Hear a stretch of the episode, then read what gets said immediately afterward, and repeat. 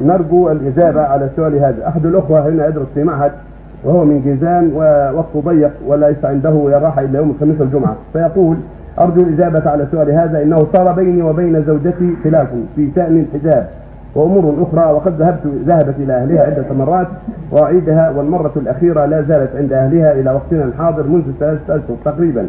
وقد أوصلتها هذه المرة في عدم الرغبة في معاشرتها مرة ثانية.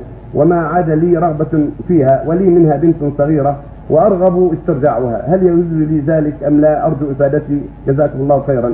ما دمت نويت نيه فالنية لا يقع بها الطلاق يقول النبي صلى الله عليه وسلم إن الله تجاوز عن أمتي ما حدث بها موسى ما لم تعمل أو تكلم. ما دام نية انك رحت له ناوي طلاقها ولكن ما تكلمت بشيء فهي زوجة باقي أما إن كنت تكلمت فتروحي لأهلك بالطلاق أو أنت مطلقة أو خاصة من ذمتي أو ما أشبه ذلك طلقت طلقة واحدة اذا قلت هذا كان فقط. أما إن كان مجرد نيه فقط في نفسك ولكن ما تكلمت بشيء فهي باقي باقي في زوجيتك في اصلك أمي أربعة طفلا. يقدر يجعل البنت. هل. ممكن يأخذ البنت هي؟ الام هي امها دين ياخذ هم كله. لا لو ما بغى ياخذهم ثلاث لا حجة. هذه عند المحكمه يا ولدي. آه. ثلاث هذه عند